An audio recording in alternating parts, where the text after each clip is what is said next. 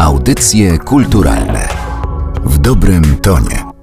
Rozpoczynamy kolejne spotkanie w audycjach kulturalnych w podcaście Narodowego Centrum Kultury. Ja się nazywam Aleksandra Galant. Dziś porozmawiamy o tangu. Tango, dramat Sławomira Mrożka, opublikowany w 1964 roku. Tango ma w Polsce dosyć dużą i bogatą historię wystawień teatralnych. Przywołam tylko kilka z nich. Erwin Akser w Teatrze Współczesnym, Bogdan Tosza w Teatrze imienia Słowackiego w Krakowie, to jest Jerzy Jarocki w Teatrze Narodowym, no i 33 lata temu odbyła się premiera spektaklu w reżyserii Kazimierza Dejmka w Teatrze Polskim w Warszawie. Natomiast w tym roku tango ponownie wróciło na afisz Teatru Polskiego, tym razem w reżyserii Wawrzyńca Kostrzewskiego. Tango jest tekstem, który można powiedzieć trochę zmienia się i trochę inaczej na nie patrzymy w zależności od tego, co się dzieje w naszej rzeczywistości, od tego, jaką mamy społeczną perspektywę. Jak tango prezentuje się dzisiaj i jak możemy je dzisiaj interpretować, o tym mam nadzieję, że opowie reżyser reżyser, bo Wawrzyniec Kostrzewski, reżyser, jest dzisiaj waszym i moim gościem. Witam w audycjach kulturalnych. Dzień dobry Państwu. To jest pytanie, które wydaje mi się często się pojawia w różnych rozmowach, kiedy znawcy i literatury, i teatru zastanawiają się, czy Mrożek się zestarzał. To zabawne, bo wczoraj mieliśmy premierę studencką. Jedno z pierwszych pytań, które padło, to było dokładnie to pytanie. I, i rozmowa też dryfowała w takich kierunkach, więc wydaje mi się, że chyba niosę jakiś bagaż wniosków całkiem świeżych. Konkluzja jest budująca to znaczy taka, że mimo tego, że ten dramat ma już kilkadziesiąt lat, to mrożek nie starzeje się, tak jak pani powiedziała. Jeżeli jest w stanie odbić się od naszej rzeczywistości w jakikolwiek sposób, to znaczy, że ciągle działa, jakoś pracuje. To jest jedno. A drugie, no, sama historia pokazuje. Jeżeli było już około 100, ponad 100, nasze chyba było 101 wystawieniem Mrożka na polskich scenach, w to można włączyć jeszcze prace telewizyjne, jak Macie Anglerta, też dosyć głośną inscenizację w teatrze telewizji. Także mam świadomość tego, że jesteśmy jakąś cegiełką w tym murze, w tym ciągu wystawień tanga, no i też opowiadamy o, o, naszych czasach. I ja miałem takie poczucie i w rozmowie z publicznością, i z aktorami, i kiedy się przygotowywałem do tej pracy, że absolutnie chcemy porozmawiać z młodymi ludźmi głównie tym tangiem i że być może Mrożek, który nie jest najłatwiejszym autorem dla reżyserów, jest bardzo wymagającym, jeśli chodzi o warstwę literacką, pewną partyturowość tekstu, precyzję tego zapisu i, i precyzyjne też uwagi, didaskalia, że trzeba będzie troszeczkę z nim się zmierzyć, troszeczkę powalczyć, troszeczkę popracować nad tym, oczywiście tak, żeby nie stracić, co jest dla mnie zawsze bardzo ważne, myśli autora, ale jednocześnie znaleźć ścieżkę dostępu do młodego widza. No i na pewno dwie rzeczy, które wynikały oczywiście nie tylko z tego, z tej potrzeby, ale dwie rzeczy, które dla mnie były najważniejsze. Jedna to redukcja, nieduża, ale jednak redukcja tekstu. Co ja mówię, nieduża, w sumie w końcu wyszło całkiem sporo, bo tych skrótów, które zwiększyły tylko dynamikę tekstu i dały szansę aktorom na bardziej energetyczne, sprężyste postaci, dialogi, relacje. Komunikacja dzisiaj młodych ludzi jest szybsza, krótsza, porozumiewa porównywamy się SMS-ami, emotikonami, to już każdy wie, więc jak tego mrożka zdynamizować? I to mi się bardzo spasowało z tym, co wyczytałem z tekstu, czyli z bardzo radykalną farsą. Zaraz będę pytała o farsę, mhm. bo to jest chyba takie słowo klucz w myśleniu o tangu w pana reżyserii, ale chciałam wrócić na moment do tempa, o którym pan powiedział, bo ja też oglądając spektakl miałam wrażenie, że treść została bardzo zdynamizowana, że wydarzenia dzieją się szybko, słowa padają szybko, dynamicznie i intensywniej. No i czy ta dostępność między innymi dla młodych ludzi to jest jedyna motywacja? Na pewno śledzę reakcję publiczności młodej, która przychodzi do Teatru Polskiego między innymi z tego powodu, że tango jest lekturą, więc to jest ten rodzaj przedstawienia, które może dotrzeć do bardzo szerokich też grup odbiorców, ale obserwuję i widzę, że oni się załapują na to tempo, że reagują żywo, czasami nawet bardzo euforycznie. Aktorzy mi powiedzieli, że był spektakl, gdzie no, cała widownia młodych ludzi właściwie reagowali żywo od początku do końca i nagrodzili ich owacją na stojąco, więc była taka radość w zespole, że na młodych ludzi to działa, że wychwytują te dowcipy, które nagle stały się bardziej współczesne, bardziej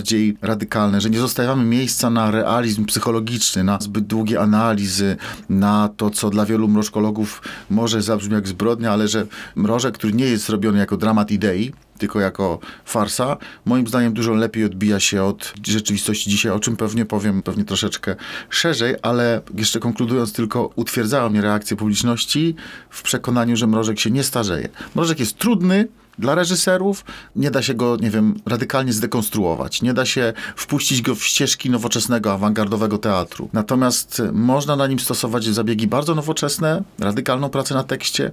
Można szukać konwencji jakiejś odskakującej troszeczkę, odbijającej się od tych klasycznych stu wystawień, które mamy za sobą i wydaje mi się, że to w tym przypadku to zadziałało. Rozmawialiśmy o tym, że tango jest lekturą szkolną. Później mówił pan, że teksty Mrożka nie są łatwe również dla reżyserów. Powiem szczerze, że ja pamiętam, kiedy czytałam tango, będąc w liceum, przez mgłę pamiętam lekcję języka polskiego poświęcone tej lekturze i kiedy myślę sobie dzisiaj o tym tekście, to jestem przekonana, że ja go nie rozumiałam, że to jest coś, co musi się tak w człowieku ułożyć i trzeba temu poświęcić naprawdę sporo czasu, więc ten kierunek w stronę młodzieży rozumiem, że był dodatkowym wyzwaniem. Jeżeli chodzi o farsę, wydaje mi się, że tutaj te słowa Stomila do Artura gdzieś przyświecały tej inscenizacji, mianowicie, że dziś tragedia jest niemożliwa, jedynie farsa. Widać to było w tym spektaklu, że on w jakiś sposób o tę farsę jest oparty, ale to chyba też jest duże wyzwanie, żeby pozostać w farsie i nie przejść w komedię.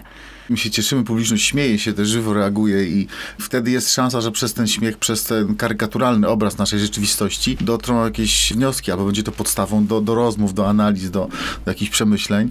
Natomiast ja pomyślałem sobie, dla mnie dosyć ważną, ważną inscenizacją było tango Jerzego Jarockiego w Teatrze Narodowym kilkanaście lat temu i to był bardzo, bardzo wyrazisty dramat idei. Reżyser wręcz uciekał od wszystkiego tego, co komediowe, a nawet do, perform- do eksperymentu, performansu już mówię, eksperymentu Stomila dopisał fragment Miltona Raju Utraconego, co dodało jeszcze wzniosłości, powagi, jakiejś takiej upiornej groteskowości może tamtym postaciom, tamtej sytuacji. Także wszystko było pod kątem tego dramatu idei i ja miałem takie poczucie, że być może w tamtych czasach jeszcze możliwe było takie rozmawianie o rzeczywistości.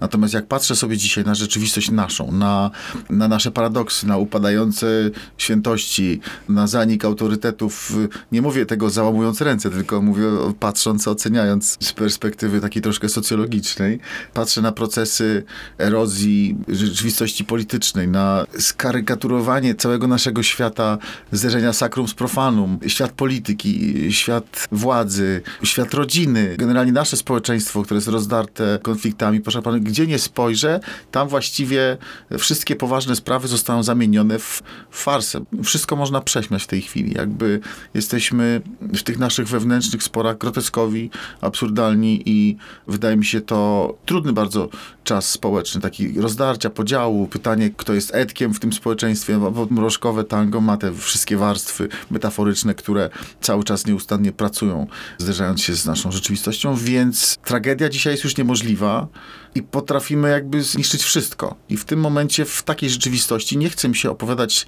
tanga jako dramatu idei. Nie mamy ochoty z aktorami bronić tych postaci. Chcemy im współczuć, chcemy zobaczyć, jak bardzo są groteskowe, jak bardzo pobłądziły, jak są pogubione, jak spory stały się nic nieznaczące. Spór o bycie formalistą czy idealistą między ojcem a synem, marzenie wuja o tym, żeby odtworzyć świat tradycyjnych wartości, którego nie da się odtworzyć, który już nie istnieje u nas w postaci wizualizacji przeźroczy, gdzie postaci wystylizowane w dawnych strojach próbują na chwilę stworzyć jakąś taką ułudę. I te pokusy kupuje Artur ze swoją rewolucją konserwatywną, która prowadzi go w pułapkę. Stomil, którego bezgraniczny liberalizm, wolność do wszystkiego również jest pułapką. Jesteśmy wszyscy w pułapce, w kleszczach, w takiej sytuacji absurdalnej, patowej. Pomyślałem sobie, że ta farsa jest czymś więcej niż tylko zabiegiem mającym na celu współcześnienie. To jest obraz świata, który widzę, który mnie boli, jakoś, który mnie męczy, który mnie frustruje, śmieszy jednocześnie. I pomyślałem sobie, że Mrożek tutaj się bardzo dobrze odbije od tego świata, jeżeli tak to pociągniemy. I wiem, że nadepnęliśmy na odcisk być może tym mrożkologom, którym się podobają te filmy, które już raz widzieli, którzy są zakochani, co rozumiem bardzo, w inscenizacjach, adaptacjach mrożkowych, kultowych sprzed lat 10, 15, 20. Ale rzeczywistość zmusza nas do reakcji. Nie jestem w stanie dzisiaj wskazać, czy ktoś by potrafił zrobić mrożka tango jako poważny, psychologiczny dramat idei. A farsa leżała tam uśpiona w tym tekście. I to było dla mnie ważne. Dlatego tak ważne jest pojęcie i będę bronił do końca tej koncepcji, która widzę, że się sprawdza. Nie wiem, jakie są przemyślenia młodych ludzi, ale czuję, że to się sprawdza.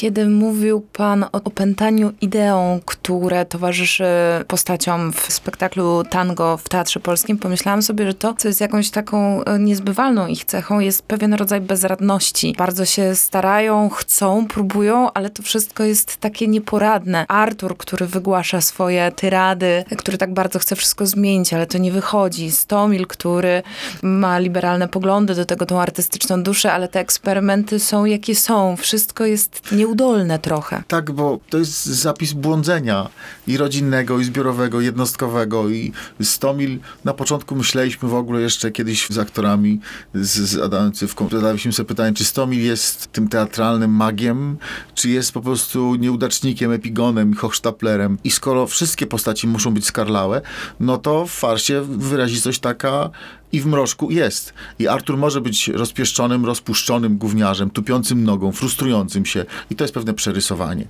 To nie jest Artur, wielki spadkobierca Konrada Gustawa. To nie jest spadkobierca Kordiana. To jest karykatura tych postaci. Więc ja na przykład zajrzałem z ciekawości do bryków szkolnych. Usłyszałem takie rzeczy, że zrobiło mi się troszkę słabo, że młodzi ludzie dowiadują się, że w tym ciągu wielkich postaci właśnie Artur próbuje wskrzesić ideę dawnych wielkich bohaterów. Nie wyczytałem niczego, że Artur Artur jest e, rozpaczliwą karykaturą tych wzorców, tych postaci, że to jest e, przewrotność wpisana w ten tekst już od podstawy. I tak jak powiedziałem na początku, nie chcemy bronić tych postaci, tylko przyglądać im się ze współczuciem na ten zapis błądzenia, zapis bezradności, gdzie w pewnym momencie tylko te pomijane, odsuwane na bok kobiety, czyli Eleonora i Ala, zaczynają tak naprawdę decydować o tym, jaki będzie kształt tego domu, jak ci bezradni mężczyźni w jakim kierunku pójdą, jak się popchnie te kilka bezradnych figur, więc ta perspektywa kobieca też jest tutaj bardzo silna. Kolejna rzecz, ich było bardzo dużo, która zwróciła moją uwagę podczas oglądania spektaklu, to był, powiedziałabym, bardzo duży rozmach inscenizacyjny, chociażby dlatego, że wykorzystaliście obrotową scenę. Poznajemy dom rodziny ze wszystkich wszystkich stron, można powiedzieć. Zwróciła moją uwagę bardzo duża symbolika kostiumów. Nie będę zdradzała zbyt wiele, bo to chyba byłoby najgorsze, co mogłabym zrobić, ale chyba dawno nie widziałam spektaklu, w którym to, co mają bohaterowie, albo to, co zdejmują, ma tak duże znaczenie. Tak, to jest przepiękna scena oczywiście. Tych obrotówek jest niewiele w Polsce faktycznie, a ta ma przepiękne tradycje. Wystawienie też tanga na dużej scenie. Oczywiście 110. rocznica założenia Teatru Polskiego, więc to okazja była, była zacna, ale to wymagało pewnej myśli też takiej przestrzennej, takiego rozmachu, który jednocześnie będzie w stanie pokazać świat w rozsypce. Są trzy akty w tango, ale myśmy zrobili dwie części. W pierwszej części spektaklu świat rozsypany i w drugiej próba zestawienia tego świata. I tutaj akurat wspaniała scenografia Ani Adamek bardzo dobrze to pokazuje, jak można było z tego rozsypanego, z tych struktur domu, z tych ścian, drzwi, donikąd prowadzących i okien na końcu spróbować zestawić jakąś całość i to się również rozsypuje te, na końcu. Także to jest metafora mrożka wpisana także też w scenografii. Duża scena na, na, to pozwala. Wiedzieliśmy, że musimy wykorzystać tę przestrzeń i jej rozmach, a jednocześnie później zamknięcie do pewnej intymności. Więc to było też bardzo ciekawe wyzwanie, ale kostium, kostium oczywiście bardzo precyzyjnie jest przez autora tutaj też określony. Ta rewolucja konserwatywna, która się odbywa, ta próba odtworzenia świata, którego nie ma, z pewnego chaosu w porządek się przeobraża, również w warstwie kostiumowej. I w drugim akcie postaci są fantastycznie poubierane we wszystko, co postaci wyciągnęły ze strychu, pełne moli, przepiękne kostiumy. Mówię też próba zbudowania rzeczywistości, której już nie ma. I to zawsze w mrożku jest takie wyzwanie. Na ile ta pierwsza część będzie taka sypialniano-szlafrokowa, a druga spektakularna, suknie, gorsety, ciaste kołnierzyki. I tutaj jest zawsze pewien rozmach, myślę, pole do uruchomienia wyobraźni dla kostiumografów. Także myśmy troszeczkę pociągnęli Stomila i Eleonorę w kierunku takich dawnych hipisów, troszeczkę bardziej niż tylko brudny szlafrok Stomila. Także chcieliśmy pokazać tę pokoleniowość bardzo silną dekadę lat 70.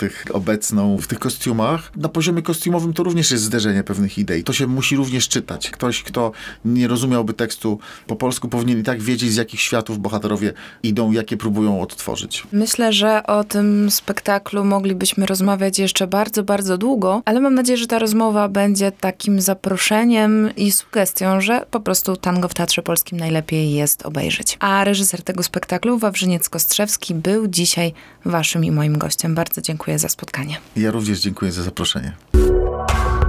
Audycje kulturalne w dobrym tonie.